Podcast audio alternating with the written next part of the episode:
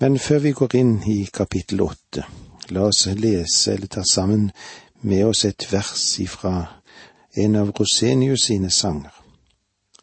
På nåden i Guds hjerte, som Jesus frem har brakt, ved korsets død og smerte som han for oss har smakt.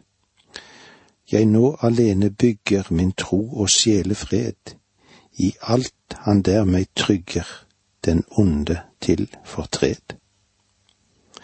Ja, himmelske Far, takk for at vi kan få lov til å leve i nåden, på nåden i Guds hjerte som Jesus frem har brakt. Takk at du, Jesus, maktet dette. Takk for at du var den seierherre over dødens makt, over syndens tyranni. Nå ber vi om at du velsigne denne stunda for oss i ditt gode og dyrebare navn. Amen. Vi er altså i det åttende kapitlet i Hosea-boken, og her leser vi sammen de fire første versene som er der. Sett hornet for munnen, fienden kommer som en ørn over Herrens hus, for de har brutt min pakt og syndet mot min lov. De roper til meg, min Gud, vi kjenner deg, vi israelitter. Men Israel har forkastet det gode. Fienden skal forfølge dem. De tok seg konge, men spurte ikke meg, valgte høvdinger uten at jeg visste om det. De laget seg gudebilder av sølv og gull, derfor skal de utryddes. De tok seg konger, men spurte meg ikke. Gud hadde sagt at menn av Davids etterlinge skulle herske over Israel. Jeroam ledet et opprør, og den kongelinje som ble trukket opp der, var ikke med menn som hadde vendt seg til den levende Gud. Disse kongene prøvde aldri på noen måte å føre folket inn i en sann situasjon med sann gudstilbedelse. I stedet vendte de seg alle til avgudene. Helt fra begynnelsen av sin regjeringstid satte Jeroboam opp de to gullkalvene.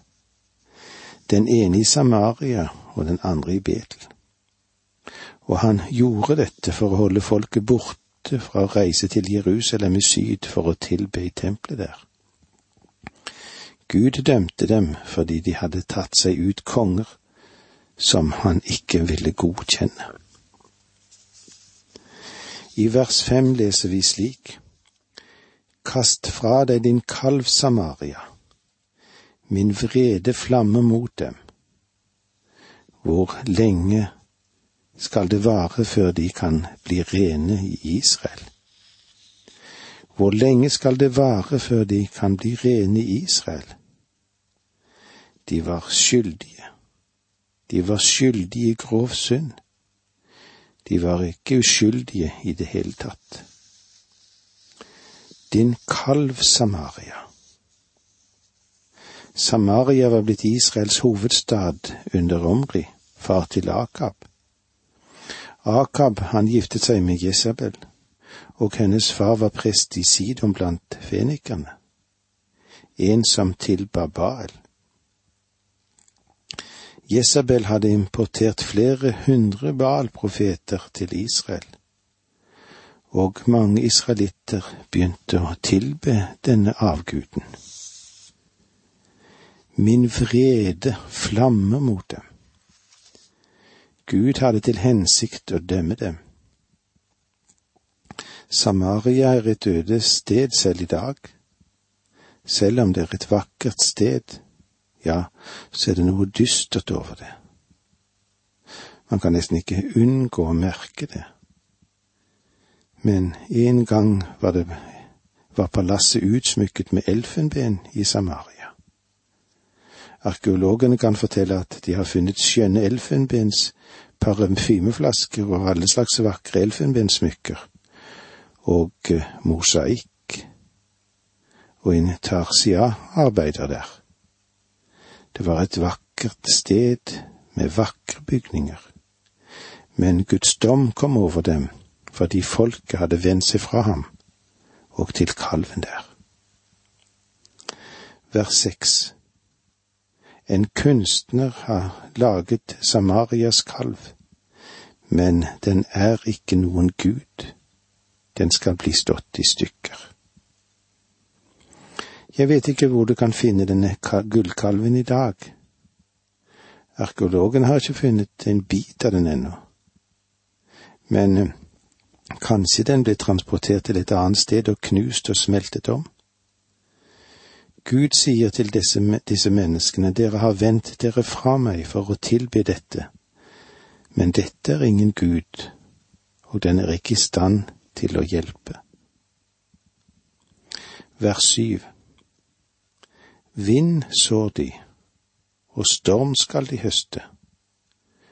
Kornet skyter ikke aks og gir dem ikke mel, og gir det mel, eter andre det opp. Dette verset taler om den straff de må ta både i form av hungersnød og fiender som kommer for å erobre landet. Stormen høstes. Her var det en seierherre som var på vei, en som underla seg alt og straffet hele folket fordi de gikk sin egen vei, og det uten å tenke på Gud. For at de søkte jo allianse med folk som ville undertrykke dem, og for det reiste de alter i hopetall og festninger som var bestemt til undergang. Israel hadde byttet ut Herren mot et bilde av en kalv. Når de nå var i nød, kunne jo ikke kalven hjelpe dem. Hva er det du setter i stedet for Gud? Makt? Rikdom? Innflytelsesrike venner? Før eller senere så vil de svikte deg. Da er det alltid annerledes med Han som alltid oppmuntrer oss og sier, Jeg vil ikke svikte deg og ikke forlate deg. Da Israel vendte seg til andre beilere, hadde ikke Gud noe valg. Han måtte plassere dem i en ovn som minnet om det de hadde opplevd i Egypt, og der skulle frafallet brennes bort. Det er først når vi vandrer for Gud med et oppriktig hjerte, at vi er sterke, og da er vi lykkelige. Men når du vikler deg inn i forhold utenfor Gud, baner du vei for mange, mange andre sorger. Vi leser videre i vers åtte her i kapittel åtte. Nå er Israel oppslukt. Blant folkene det like et kar som ingen bryr seg om. Nå er Israel oppslukt. Vet du hvor de ti stammene er i dag? Det er det ingen som vet. Men Gud vet nok å holde orden på den saken når den tid kommer. Blant folkene er det like et kar som ingen bryr seg om, vi er ikke i stand til å lokalisere eller identifisere Israels stammer i dag. Jeg går ut fra at folk i Israel har blandet seg med Judas stam da de vendte tilbake til landet etter fangenskapet, og man har ikke kunnet adskille dem etter dette. De er spredt over hele verden. Og eh, det er vel kanskje slik at det er flere israelitter i New York enn kanskje det er i hele Israel, hvem vet? Og det er minst fire ganger så mange israelitter utenfor landet som det er i Israel. I vers ni leser vi slik. De dro bort til Asyra lik et villesel som streifer omkring. Efraim kjøper seg kjærlighet. Her er enda et klart forhold som førte Guds dom over Israel hvilken fordømmelse dette egentlig er. Israel dro til Asyria for å finne hjelp og forsøkte å kjøpe Asyria med skatter. Efraim kjøper seg kjærlighet. Men de fant snart ut at de ikke kunne kjøpe Asyria. I stedet brukte Gud Asyria til å dømme dem. Vers 10 og 11. Selv om de kjøpslår med folkene, så vil jeg nå drive dem sammen. De skal vri seg en liten stund under byrden av skatt til storkongen. Og med disse ordene og disse versene må vi si takk for nå. Må Gud være med deg. Dette undervisningsprogrammet består av to deler. Åge Nevland fortsetter nå med andre del av dagens undervisning. Vi er i kapittel åtte i Hosea-boken, profeten Hosea, og her er vi vitne til hvordan det er når profeten forkynner at fiender skal komme over Israel. Folket vil si at de kjenner Herren, men eh, avgudsdyrkelsen deres, den er ganske stor. La oss lese versene ti og elleve i kapittel åtte. Selv om de kjøpslår med folkene, vil jeg nå drive dem sammen. De skal vri seg en liten stund under byrden av skatt til storkongen. Et alter er et sted der man tilber, og Gud hadde gitt Israel et alter. Vi ser i hebreerbrevet at menigheten hadde et himmelsk alter. Guds trone er i dag en nådetrone for oss, og den Herre Jesus er vår store øverste prest ved dette alteret. Og hva skjer der? Jo, han går i forbønn for oss. Et alter skal være et tilbedelsens sted, men her sier altså Gud at Efraim har laget seg mange altere som har fått dem til å synde. Israel hadde vendt seg til avgudene og drev visse religiøse øvelser, men det hjalp dem ikke. I stedet førte dette dommen over dem. Religiøse nykker har aldri vært til velsignelse for et menneske, og heller ikke for verden. Friheten ligger ikke i religion, men i et personlig forhold til Gud ved Jesus Kristus. Men om de kjøpslår med folkene, vil jeg nå samle dem dit, og de skal begynne å bli færre under storkongens byrder. Fordi Ifrem har gjort seg så mange altere til å synde med, er de blitt ham altere til synd.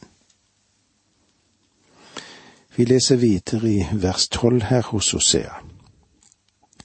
En mengde lover har jeg skrevet for dem, men de regner dem ikke for sine. Men de regner dem ikke for sine. Det betyr at folk ikke kjente noe til Guds lov eller om Guds lov.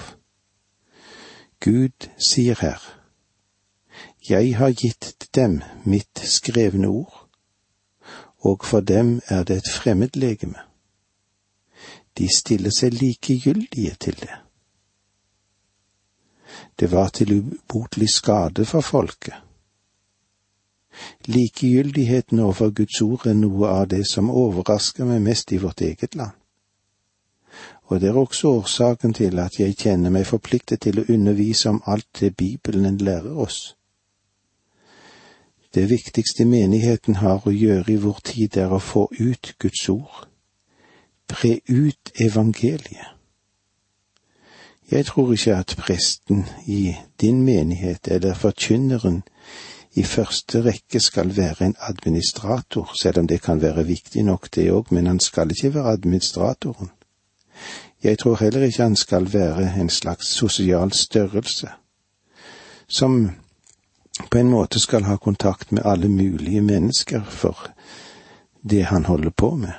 Men hovedoppgaven, det viktigste han har å gjøre, den som skal være forstander eller prest eller hva det måtte være, det er at han formidler Guds ord og underviser om det. Gjør han det, så skal du støtte ham, og du skal hjelpe ham. Men jeg kan ikke se at Guds folk skal være forpliktet til å støtte alle de som kaller seg prest, eller hva det måtte være, hvis det ikke er noe nytte av det, eller gavn av det. Vi leser i vers 13. De elsker å bære frem slakteoffer, og de spiser av kjøttet. Men Herren bryr seg ikke om dem. Nå vil Han komme deres misgjerninger i hu og kreve dem til regnskap for deres synd. De må vende tilbake til Egypt. De holder fast på seremoniene. De har ritualene, og de kjenner vokabularet. Men eh, kanskje det er det hele. Herren kjenner til de, og han aksepterer ikke dette. Det har overrasket meg gjennom årene å møte mennesker i de forskjellige trossamfunn som i munnen er svært så konservative, og eh, de kjenner jo riktig bruken av ordene og klisjeene. Men eh, i sitt liv er de fjernt fra å praktisere den bibelske kristendom. I kristne sammenhenger så finnes det mange vidunderlige uttrykk, men i munnen på en del av mennesker så blir dette noe helt meningsløst. Herren bryr seg ikke om dem. Nå vil han komme deres misgjerninger i hu og kreve dem til regnskap for deres synder. De må vende tilbake til Egypt. Det er klart at da Babylon ødela Syria, var det mange fra de ti stammene som sammen med asyrerne ble ført til det babylonske fangenskap fra Judas sin side, og så vendte tilbake til landet, da. Vi vet også fra profeten Jeremia at ved den tiden var det babylonske fangenskapet fantes det mange som flyktet til Egypt. Og jeg går ut fra at det er dette Hosea taler om her. Men det er vel andre tolkere som kanskje ikke vil være enig i dette som sies. Vers 14 Israel glemte sin skaper og bygde seg slott. Juda bygde mange faste byer, men jeg vil sende ild mot deres byer. Den skal fortære deres borger. Israel glemte sin skaper og bygde seg slott. Denne setningen kan også forstås slik at de ikke bygde seg slott, men bygde templer. De hadde forsøkt å bygge erstatninger for tempelet i Jerusalem. Det var i det tempelet og bare i det tempelet at Gud hadde sagt at offergaver skulle bæres frem for ham. Juda bygde mange faste byer. Juda hadde syndet òg, og Gud ville ta deres sak opp senere. Det som kommer til å hende først, er at disse templene eller palassene i Israel skal ødelegges. Det er interessant at den nordlige delen av Israel synes å være mer øde enn andre deler av landet. Langt nede i Negev, der de ikke har så mye regn, så venter du at det skal være slik. Men eh, oppe i den nordlige delen, spesielt i Estalondalen, som er en av de rikeste dalene i hele verden, så venter du ikke en slik ødslighet som finnes der. Og jeg er barnslig nok til å tro at vi fremdeles her ser bevis på Guds dom som kom over landet. Som offergave til meg ofrer de kjøtt som de selv eter. Herren har ikke behag i dem. Nå vil han komme i hu deres misgjerninger og straffe dem for deres synder. De skal vende tilbake til Egypt. Israel glemte sin skaper. Han bygde seg palasser. Juda bygde seg mange befestede byer.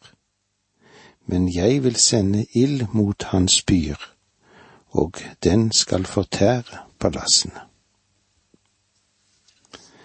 Vi er nå kommet til kapittel ni. Og her vil vi se at Israel prøver å øke på produktiviteten sin. Nå begynte altså Israel å se på velstand som en indikasjon på at alt var rett i landet. Med andre ord prøver de å øke verdien per enhet, og så prøvde de å øke produksjonen av jordbruksprodukter. Men Gud sa at det ikke var noe annet enn en gjenstridig kvige. Han hadde velsignet dem med velstand, og det hadde gjort dem blinde for realiteten i deres åndelige situasjon. Faktisk er de nå på grensen til fangenskap, som var dommen fra Gud. I vers 1 her i kapittel 9 leser vi slik. Gled deg ikke, Israel. Du skal ikke juble som de andre folk. I utroskap har du forlatt din Gud. Du ville gjerne ha horelønn på alle steder hvor de tresker korn. Gled deg ikke, Israel, du skal ikke juble som de andre folk. De syndet stadig mer og gledet seg stadig mindre. I utroskap har du forlatt din Gud. Gud sier at Israel har spilt skjøgens rolle.